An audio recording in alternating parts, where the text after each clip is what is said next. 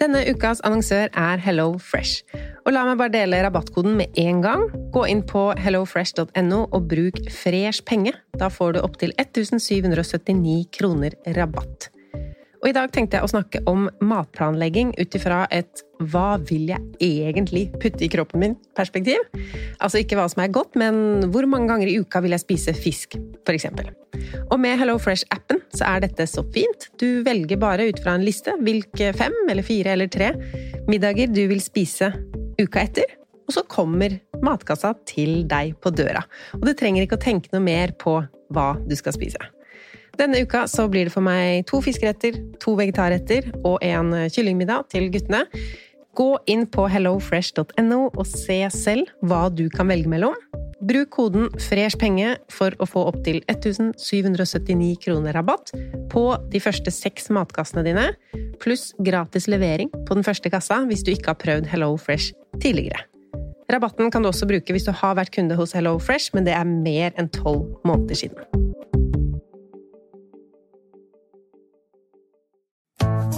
Har du et enkeltpersonforetak eller en liten bedrift? Da har nok Eller vent, sa du nei? Du vet at fiken også gjør det enkelt å starte din egen bedrift? Fiken superenkelt regnskap. Ja, og hjelp til å starte egen bedrift, da. Velkommen til Kjemperådet! Vi har fått inn et kjempeproblem her. Jeg leser. Jeg er på ferie med familien. Det er gøy, bortsett fra at jeg har gips på begge beina. Kan ikke bade eller dra noe sted. Jeg føler meg veldig begrenset. Hilsen begrenset far. Begrenset far trenger ubegrensethet. Yes. Ja, Kanskje ubegrenset data fra 399 med familierabatt hos Telenor? Ja, det løser jo alt! Bortsett fra det med badingen, da. Se nye mobilabonnement på telenor.no. Yes!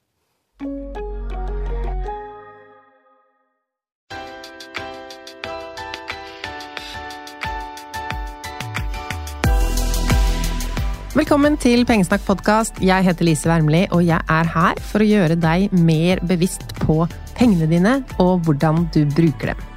Hver uke ny intro, men det handler stort sett om penger når jeg snakker til deg her inne.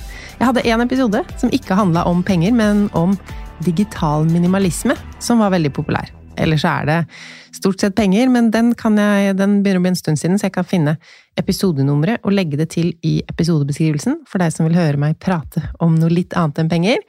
Eh, hvis du vil høre en annen episode om penger, så er det bare å scrolle nedover biblioteket, og så ser du hva jeg og vi har snakket om her før. I dag er det bare meg i studio. Velkommen til deg som er nylytter, velkommen til deg som hører stort sett alt jeg snakker om. Denne episoden lager jeg fordi dere lurer på mange ting. Og mange av de, de tingene dere lurer på, det skjønner jeg godt at dere lurer på. Og så er det jo litt sånn Det er dyrtid, rentene er høye, og et spørsmål som jeg får ofte Hvordan skal vi investere nå, da? Hvordan skal jeg plassere pengene mine for god avkastning i et marked med høye renter? Og rentefond er jo én ting som jeg gjerne skulle visst mer om, så leiter etter en gjest som kan lære oss mer om det. For når du spør om investeringsstrategier, så er jeg definitivt ikke den rette å spørre. Men jeg heier på at du spør, så fortsett å spørre til du finner noen som eh, vet mer. Og i episoden fra forrige uke, der hadde jeg jo Aksje Norge på besøk, så der får du også mer input på dette med investeringsstrategi. Jeg personlig er jo veldig glad for at jeg valgte en investeringsstrategi som ikke krever at jeg snur meg rundt. Uansett hva som skjer i verden, så trenger ikke jeg å tenke oi, hvordan påvirker det strategien min, skal jeg gjøre det nå, skal jeg selge meg ned i det, opp i det? Jeg leste en bok som heter The Simple Path to Wealth. Han, eh, forfatteren har også en blogg, så jeg var liksom kjent med hva han mente fra før av, og veit at det er mange som støtter den samme tankegangen. Han var en investor. Han elsket å handle aksjer. Men så så han tilbake på livet sitt. Jeg tror han ville fortelle datteren sin hvordan hun skulle få pengene sine til å vokse. Hun var ikke så interessert i å høre på, så derfor skrev han en bok som hun da skulle lese når hun ble interessert. Og når han så tilbake på alle sine investeringer, så så han det at det hadde vært best for han, økonomisk, å bare investert alt i indeksfond. Og det er jo det samme Warren Buffett sier. Hvis du ikke kjenner til det navnet, så er det kanskje verdens mest kjente investor. Ok, jeg måtte google. Um, det står 'Consider the most successful investor of the 20th century'. Ja, er det 1900-tallet? Ja. Poenget mitt var at i hans testamente Nå ble jeg plutselig litt usikker på hvorfor jeg veit hva som sto i hans testament, men jeg har i hvert fall hørt et sted, da. Men eh, vi regner med det stemmer, og hvis eh, vi får google litt mer etterpå. I testamentet til Warren Buffett, og her er det snakk om masse penger, ikke sant, han er topp fem rikeste menneske i verden. Han sier at pengene som er igjen til eh, kona, hvis hun lever lenger enn han, 90% av den formuen skal investeres i et very low cost SMP 500 indeksfond. Og nå skal ikke jeg, skal virkelig ikke utgi meg for å være en aksjemarkedsstrategiekspert, men det jeg liker med indeksfondstrategien Jeg hadde også en eh, BI-professor her, en eh, økonomiprofessor, som snakket om det med å investere i indeksfond, og hva som er bra med den strategien. Jeg legger også episodenummeret på den i episodebeskrivelsen, så får du lytta deg mer opp på det, som blir litt kontrast til det vi snakka om eh, forrige uke. Eller, hun sa vel at ha masse indeksfond, eller i hvert fall fond, og så krydre med litt enkeltaksjer. Han sier en 100% indeksfondstrategi er en fin ting. Og det som er um, Det er jo den strategien jeg personlig følger, følger, fordi jeg har ikke lyst til å lese kvartalsrapporter, jeg har ikke lyst til å ta masse ekstra risiko. Jeg vet at jeg sikkert kunne ha tjent mer på å treffe riktige enkeltaksjer, men jeg har ikke evnen eller tiden eller interessen. Så min strategi jeg putter inn en sum hver måned, og så følger jeg ikke med. Og det er så deilig når det er litt sånn urolige tider. ikke sant? Korona kom, å, hva gjør vi med investeringene nå? Høye renter, hva gjør vi med investeringene nå? Jeg trenger ikke å lure. Bør jeg endre strategi, strategi nå? Fordi hele poenget med å ha en strategi er jo at man skal vite hva man gjør når ting skjer. Så det liker jeg så godt. Og når man ser på statistikk og sier at jenter er flinkere investorer enn gutter Altså, gutter er flinkere til å komme seg på børs, det er én ting, men grunnen til at jentene ofte gjør det bedre, det er at de ikke driver og kjøper og selger for mye. For er det én ting med kjøpe og selge, la oss si du har et aksjefond, indeksfond er også et aksjefond, det har bare så mange aksjer i seg at det blir som å investere i hele børsen. Oslo Børs, eller hele verdensmarkedet. Uh, mitt indeksfond er vel de 1500 største selskapene i verden, bare at noen er tatt bort fordi de ikke er uh, uh, gode selskaper. og det SMP 500 som Warren Buffett snakket om, det er de 500 største selskapene i USA. Og er du investert i et fond, så ser du jo en kurve som går opp og ned, som vi snakket om forrige uke. Det svinger, men det svinger oppover.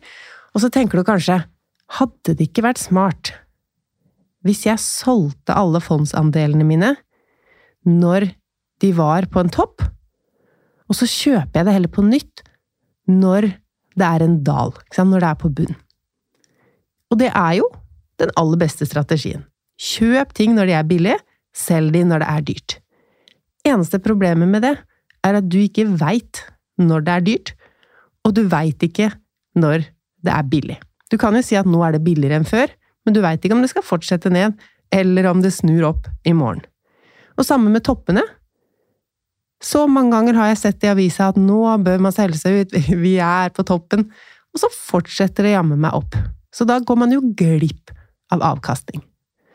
Og skal du drive og time det her i fond, kjøpe og selge, så må du nettopp det. Du må både kjøpe på riktig tidspunkt, eller selge på riktig tidspunkt, og kjøpe deg inn igjen på riktig tidspunkt. Og det er da man ser at dette klarer man ikke, ikke folk flest, og at det er derfor time in the market beats timing the market. Så istedenfor å drive og prøve å time markedet, så bare være med på hele reisen, og ta med deg den avkastningen som kommer der. Så fikk jeg et spørsmål fra en, jeg husker ikke om det var gutt eller jente, uansett, en person som hadde litt kredittkortgjeld. Det var ikke så mye, kanskje 28 000 det var snakk om. Eh, men som aldri fikk betalt ned det her fra måned til måned. Og så hadde denne personen også investert i fond, og spør skal jeg ta ut av fond for å betale ned kredittkortgjeld. Og jeg kan jo ikke bestemme hva noen andre skal gjøre, men jeg kan si deg én ting å tenke på, og det er jo renter og avkastning. Og det skal sammenlignes. Hvis kredittkortgjelda di koster deg 28% rente, så måtte fondene dine gå 28% vokse med 28% for at det skal bli i null. Så sjansen for at en fondsinvestering er så god at det lønner seg å ha kredittkortgjeld for å finansiere det, den er minimal. At fondet skal vokse med 28% så jeg personlig ville med en gang tatt ut av fond for å betale kredittkortgjeld. Jeg ville jo kanskje sett er det noen andre former for eh, penger, eh, muligheter jeg har til å betale ned den kredittkortgjelda. For vi vil jo ha fondet vårt, og at det fondet skal vokse på sikt. Men kredittkortgjelda, det gjør jo at du har eh, så dyre utgifter med det at du ikke får investert mer. Så personlig ville jeg gjort det. Tatt ut av fond, betalt det ned. Og så fortsett å bruke de pengene du da vanligvis bruker på å betale kredittkortgjelda fra måned til måned, inn i fond. Ja, du kan gå glipp av litt eh, avkastning, men som sagt, 28% eller om det er 32% noen kredittkort er jo helt vilt høye renter. Ikke driv med investering hvis du har den type dyr gjeld. Det er litt de tingene jeg tenkte vi skulle tenke på i dag, fordi hvis du har et overskudd, og så lurer du på hva skal jeg gjøre med det. Dette får jeg meldinger om hver dag, og må bare si 'jeg kan ikke svare, jeg kan ikke svare', jeg kan ikke svare. Um, men her er litt svaret. Du må se på alternativene du har. Hvis du har, om det er 30 000 kroner eller 100 000 kroner, hva skal du gjøre med de? Det spørs jo. Hva er det du vil gjøre med de? Noen ganger så tenker vi i et sånt spor at jeg må gjøre noe smart med disse pengene. Og jeg er ikke imot å gjøre noe smart med disse pengene, men smart betyr jo ikke alltid investere de for mest mulig overskudd, eller sørge for Eh, økonomisk vekst med akkurat de pengene. Det kan jo hende det er smart eh, for deg å kjøpe en bil.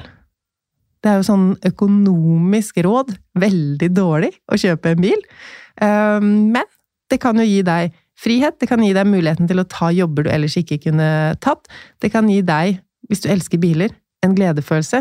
Det er så mange ting med penger at å spørre andre hva burde jeg gjøre med de pengene, det er egentlig helt meningsløst.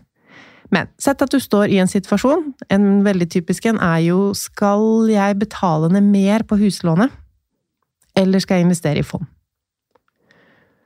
Fordelen med å betale ned på huslånet er jo at det er ikke noe risiko. Investerer du i fond, så tar du risiko med pengene. Som vi snakka om i forrige uke, det kan gå ned 30% neste måned, det. Da er pengene dine mindre verdt.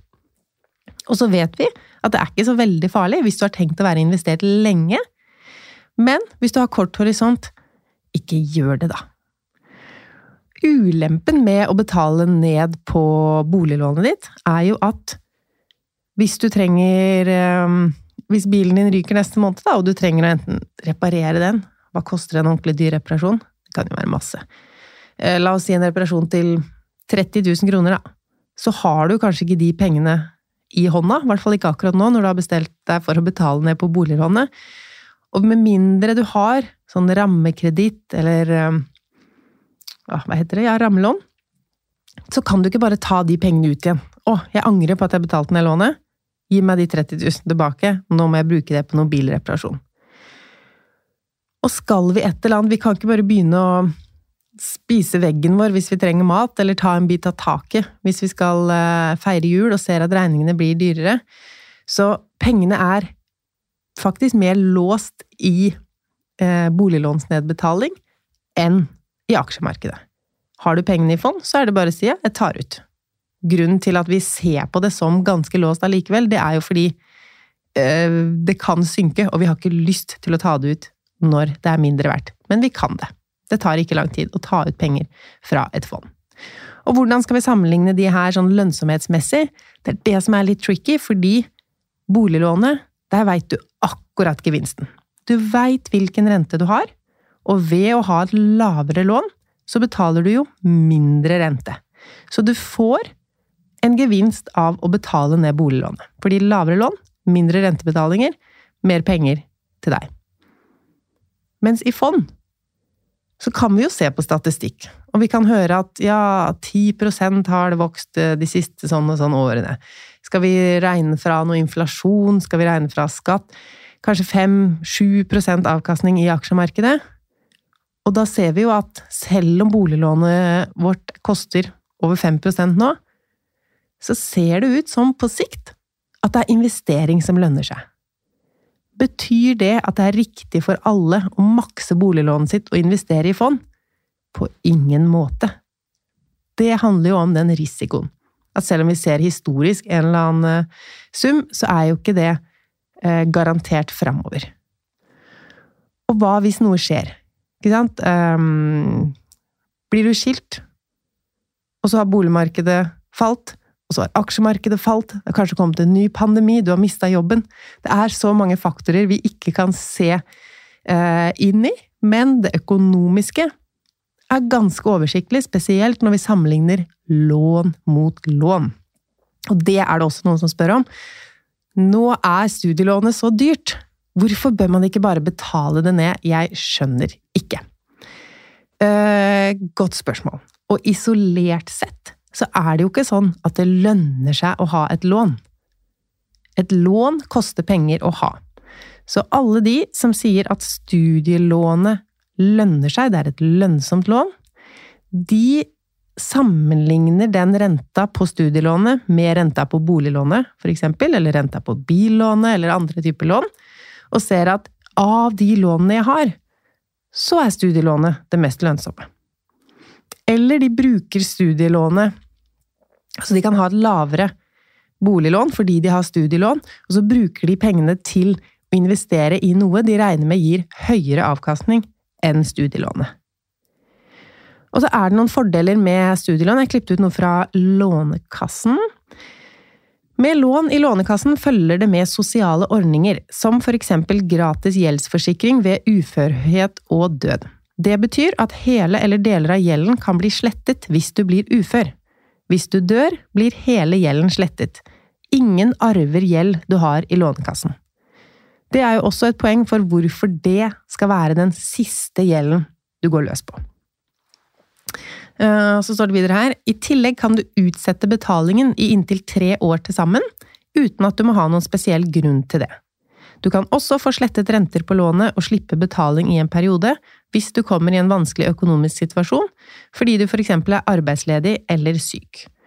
Og så husker jo mange av oss fra koronaårene, det ble jo år til sammen, eh, at man kunne utsette betalingene i den perioden også. Så det er jo de ekstra fordelene med studielån. Og så er det sånn at studielånet beregnes, renta på studielånet beregnes fra eh, var dette? De tar gjennomsnittet av boliglån, eller de tar de laveste boliglånene, og så legger de det litt under der igjen. Så den renta skal, for de aller, aller fleste, være lavere enn boliglånsrenta di, så også økonomisk sett så lønner det seg å vente med det til slutt. Så uansett hva du sammenligner, skal jeg ta billånet eller Klarna-kontoen, skal jeg ta det eller det, se på renta. Og også når det er en innskuddsrente. Da blir jo det som vi snakka om med uh, avkastning i fond, bortsett fra at vi veit akkurat. Det har vært perioder hvor man kan ha fått på en høyrentekonto 4,5% rente, og så har boliglånet kosta deg 3,5% rente. Da er det jo faktisk lønnsomt å låne opp mer, og så putte de pengene bare på konto og se at de vokser mer der. Samme med BSU. Alle som lurer på når bør jeg, for jeg kan ikke spare BSU lenger, når bør jeg bruke de pengene til å betale ned på boliglånet? Da sammenligner vi rente med rente igjen.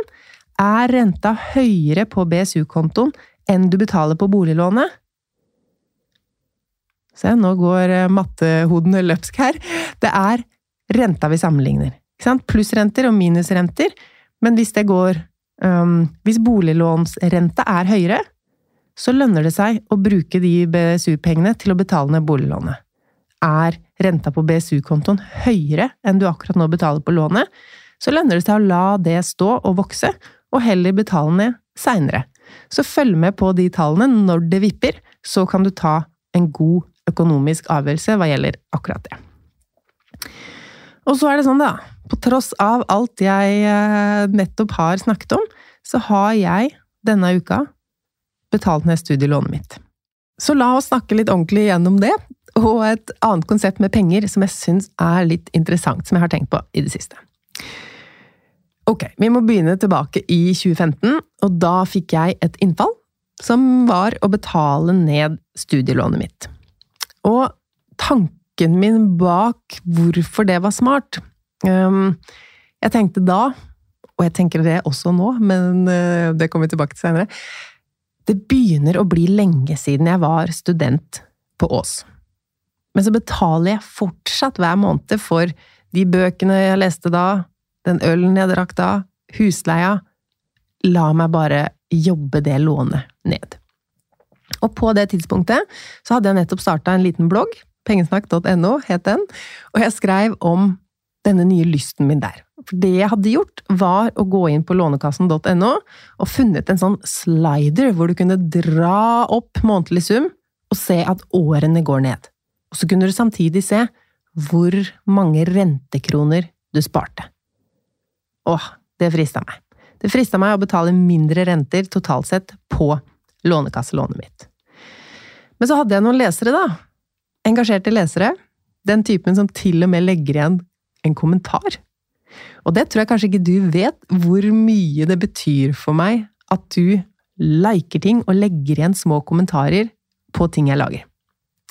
Hvis du følger meg på Instagram, for eksempel, alle de små hjertene, det booster så klart mitt ego. Det gir meg lyst til å lage mer innhold du kan sette pris på, og så bidrar det til at pengesnakkinnholdet blir vist fram til flere. Altså alle likes, kommentarer, delinger, og også når du trykker på den lagring av innhold, da tenker Instagram at dette må være bra innhold, jeg deler det til flere. Så det er så klart lov å være en som eh, scroller og setter pris på innholdet mitt uten å like eller kommentere noen gang, eh, men vit at det faktisk betyr noe for meg og for pengesnakk om du gjør det. Og på podkasten Jeg var på Kypros i forrige uke. Jeg veit at jeg snakker meg vekk nå, vi kommer tilbake til Lånekassa. Jeg var invitert på en konferanse for finfluensere i Europa. Og finfluenser betyr influenser som snakker om financial Altså penger. Pengeinfluensere. Andre pengesnakkere. Eh, vi var vel i hvert fall over 100 pengesnakkere fra forskjellige land i Europa. Jeg har rett og slett mange kollegaer, og vi møttes på Kypros. Jeg holdt foredrag om Instagram og TikTok på engelsk, så jeg fikk utfordra meg selv litt der. Og, men det var bra, fordi etter å ha vært på scenen så visste jo hele konferansen hvem jeg var, hva jeg dreiv med her oppe i Norge. Så den derre small-talken eh, in English eh, resten av konferansen var um, givende. Og jeg fikk veldig lyst til å satse hardere på YouTube igjen, for det er mange jeg snakka med som driver YouTube-kanaler på hvert sine språk, og også podkasten. Det var flere der som har podkaster som pengesnakk. Kanskje ikke noe like personlig som min, jeg snakker jo veldig mye om egne tall. Um, men så sitter vi da rundt middagen og skryter til hverandre om hvor mange som hører på podkastene våre og sånn. Og så er dere veldig mange som hører på Bengesnakk, faktisk. Og da fikk jeg spørsmålet men hvorfor har du da så få ratinger på Spotify? Um, og det hadde jeg jo en god forklaring på. Jeg sa at uh, i Norge, skjønner dere, så har nesten alle en iPhone. Så hører de på podkast i den lille appen. Og jeg tok feil. Fordi når jeg kom hjem, så spurte jeg i hvert fall Instagram-følgerne mine jeg hører dere på Apple Podcast eller hører dere på Spotify eller noe annet. Og majoriteten av dere som hører på Pengesnakk podkast, dere hører på Spotify. Og det betyr to ting. Eh, for det første så kommer jeg nå til å lenke til Spotify istedenfor Apple. Og jeg bruker den lille appen selv, og kanskje derfor jeg bare tok eh, utgangspunkt i at dere også gjør det. Så sorry til dere som eh, gjør det, men det er jo den jeg til nå har lenka til i sånn nyhetsbrev, Facebook, Instagram. Nå blir det Spotify, siden det er flere som hører på Pengesnakk der. Og så betyr det at jeg skal spørre deg om en tjeneste. Hvis du er inne i Spotify nå, eller Google Podcast eller iTunes eller en av de andre, og du liker Pengesnakk-podkast, kan du enten legge igjen noen ord eller trykke på de fem stjernene. Sånn at hvis jeg møter disse podkastgutta igjen, så kan jeg vise det Neida. Det er også bra for podkasten sin synlighet på plattformen at um, det er mange som har på en måte godkjent at dette er en bra podkast. Så det er sånn som betyr noe, så tusen, tusen takk hvis du gidder å gjøre det nå mens du hører på. Tilbake til 2015 og min briljante idé om å kvitte meg med studielånet. Dere sa nei. Nei, Lise. Studielånet er det beste lånet du kan ha. Og dere har jo ikke feil, og vi har jo nettopp snakket om det. Det er helt riktig å si at studielånet er det siste lånet du skal betale tilbake. Har du studielån, boliglån, billån, forbrukslån, kredittkort Studielån er nederst på lista. Men min situasjon i 2015 var at jeg var på vei til å nedbetale resten av boliglånet mitt. Jeg tenker også at valget ikke alltid står mellom ulike lån. Det kan også stå mellom kjøpe en ny kjole eller betale en ekstra tusenlapp ned på studielånet. Er studielånet det dummeste du kan bruke penger på noensinne? Nei, det er jo ikke det. Det er jo det dummeste av lånene dine, men det er jo ikke det dummeste overall. Og så kan vi jo sammenligne det med investering. 2015 var jo også året jeg starta med investering, kanskje bare noen uker etter det her, fordi da kunne jeg se den der fristende slideren i Lånekassa opp imot hvor mye avkastning jeg kunne få på å investere den samme summen månedlig i et fond. Og da så jo det umåtelig bedre ut. Um, så da gjorde jeg det. Jeg betalte ikke ned studielånet mitt. Og så er det jo sånn nå igjen, eller nå alltid, jeg aner ikke hvordan aksjemarkedet kommer til å gå framover. På lang sikt, og det man kan regne med, er at det er mer lønnsomt å putte ekstra penger i fond enn å betale ned lån. Den er jeg helt eh, med på, ikke misforstå meg. Eh, men så er det jo også sånn at forskjellen er mindre nå.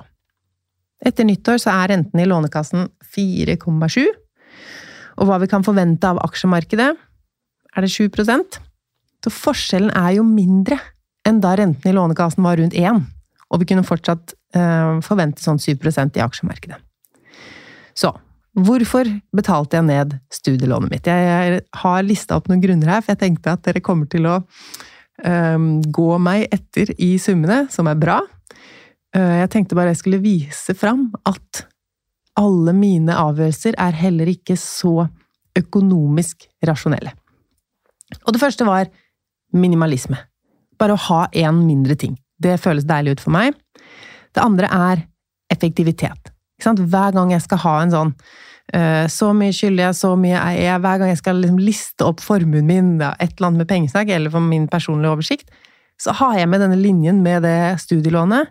Tenkte jeg, Da slipper jeg å sjekke renta i Lånekassa, slipper å gå inn på det. Så litt mer effektivt. Og så har jeg med på lista at jeg sparer på renter. Um, og da opp imot å uh, ikke, At det ikke hadde vært smartere å betale ned på boliglånet. Nå er det jo også sånn at jeg har boliglånet mitt sammen med noen. Så hvis jeg skulle velge å betale ned en sum på boliglånet, så hadde det blitt um, Ja, da måtte jeg jo spurt Tom kan du betale ned akkurat det samme du òg. Og det er jo ikke sikkert han var så keen på det. Så det er også en én ting. Um, men så er det følelsen. Penger og følelser, det henger tettere sammen enn vi ofte snakker om, føler jeg. Jeg kjøpte meg en god følelse. Jeg kjøpte meg følelsen av nå er jeg voksen og ansvarlig. Jeg har ikke studielånet mitt lenger. Eh, men ikke la deg friste av at jeg gjør det her. Eh, ikke tenk at jeg gjør alt det smarteste økonomisk alltid, og at ja, hvis Lise betalte ned studielånet, så må jo det være riktig også for deg. Og så har jeg jo betalt ned jevnt og trutt på det her lånet i mange år nå, eh, så nå var det litt over 80 000 igjen. Eh, så summen var lav nok til at på en måte Det velter ikke alt for meg at jeg brukte de over 80 000 på det. Ehm, jeg vil gi meg selv en gave, og dette var gaven. Og det sjette punktet er kanskje det mest irrasjonelle av dem alle. Og jeg tror, bare for å dra alle dere ned med meg her, jeg tror vi alle har irrasjonelle tanker rundt penger noen ganger. Um, Får i hvert fall dra med meg Tom. Tom, eh, mannen min, han eh, hadde pokerlag med noen venner for litt siden, og så vant han den turneringen. Så han hadde med seg et par tusenlapper hjem, og dagen etter så følte han seg så rik, og spør meg sånn Hva skal vi gjøre i dag? Vi må kjøpe noe. Og så er det sånn Jeg kan så lett skjønne den følelsen, men så er det sånn Det er jo ikke akkurat som vi ikke har kjøpt noe i år. Vi har brukt over 3,5 million norske kroner på å lage kjelleren vår om fra råkjeller til boareal, og det er fortsatt ikke beboelig. Det skal brukes mer penger i kjelleren. Mens disse 3000-lappene, de representerte liksom noe annet. De representerte en seier, og da, da skulle vi kjøpe noe. Men penger er jo penger. En sum er bare en sum. Penger er helt nøytralt, og det er ikke forskjell, uansett hvor de kommer fra. Men jeg tenkte det samme denne uka. Eller forrige uke, da, når eh, du hører på dette. Jeg har jo solgt kursplasser til Pengeplanen. Jeg lanserte jo det kurset første gang i september, og tenkte jeg tar det på nytt i 2024. Med noen forbedringer. Men så var det noen som begynte å spørre når skal du arrangere det pengekurset igjen, jeg vil være med. Ok, da tar vi en ny runde i november. Så jeg gjorde de forbedringene jeg ville. Jeg kjørte en full e-postlansering, informasjon her på podden, sosiale medier, full sånn salgsprosess på det kurset, og solgte en del plasser. Hvorfor det føltes ut som bonuspenger når jeg jobba for dem, og kurs er en del av strategien min for pengesnakk nå, det handler jo om at jeg heller vil leve av å dele kunnskap enn å dele masse reklame. Um, jeg klarer ikke å svare på hvorfor det føltes ut som en, uh, en sum som kom fra ingensteds, uh, men det føltes sånn. Og så var summen så lik. ikke sant? Det landa på 80 000. Og dermed så tenkte jeg Studierådene, Jeg kan bruke disse pengene som jeg vil uten å ofre en tanke på at sparemålet mitt er på 50% nå rett før nyttår, at jeg også har utgifter i kjelleren, at jeg kunne brukt de på noe smartere. Jeg ville betale ned studielånet, jeg. Så jeg gjorde det. Som en liten rebell. Neida. Men sånn var det. Jeg kommer til å spørre deg om ulønnsomme eller irrasjonelle valg i økonomien på sosiale medier denne uka. Så følg med på Facebook og Instagram, Vit at din kommentar settes pris på. Jeg liker så godt å snakke med dere. Og så er jeg veldig klar for å høre hvor dum avgjørelse jeg har tatt. Men jeg står i den. Jeg velger, i dette tilfellet, kanskje dette er litt sånn girl math igjen, jeg velger å ikke sammenligne det med en god investering eller et dyrere lån, men en dyr vin, ny garderobe, luksusreise, leiebil. Så kan jeg føle meg bra med den avgjørelsen. Vi høres igjen eh, neste uke. Og ja, er du stressa før jul? Last ned juleplanen i episodebeskrivelsen. Den er gratis. Vil du ha bedre oversikt over livet og økonomien i 2024, ligger det link til å kjøpe Pengesnakk planlegger også i episodebeskrivelsen. Også de stjernene, da.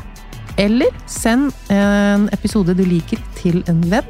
Det er lurt å dele lure ting, så kanskje ikke del akkurat denne episoden. ha det bra!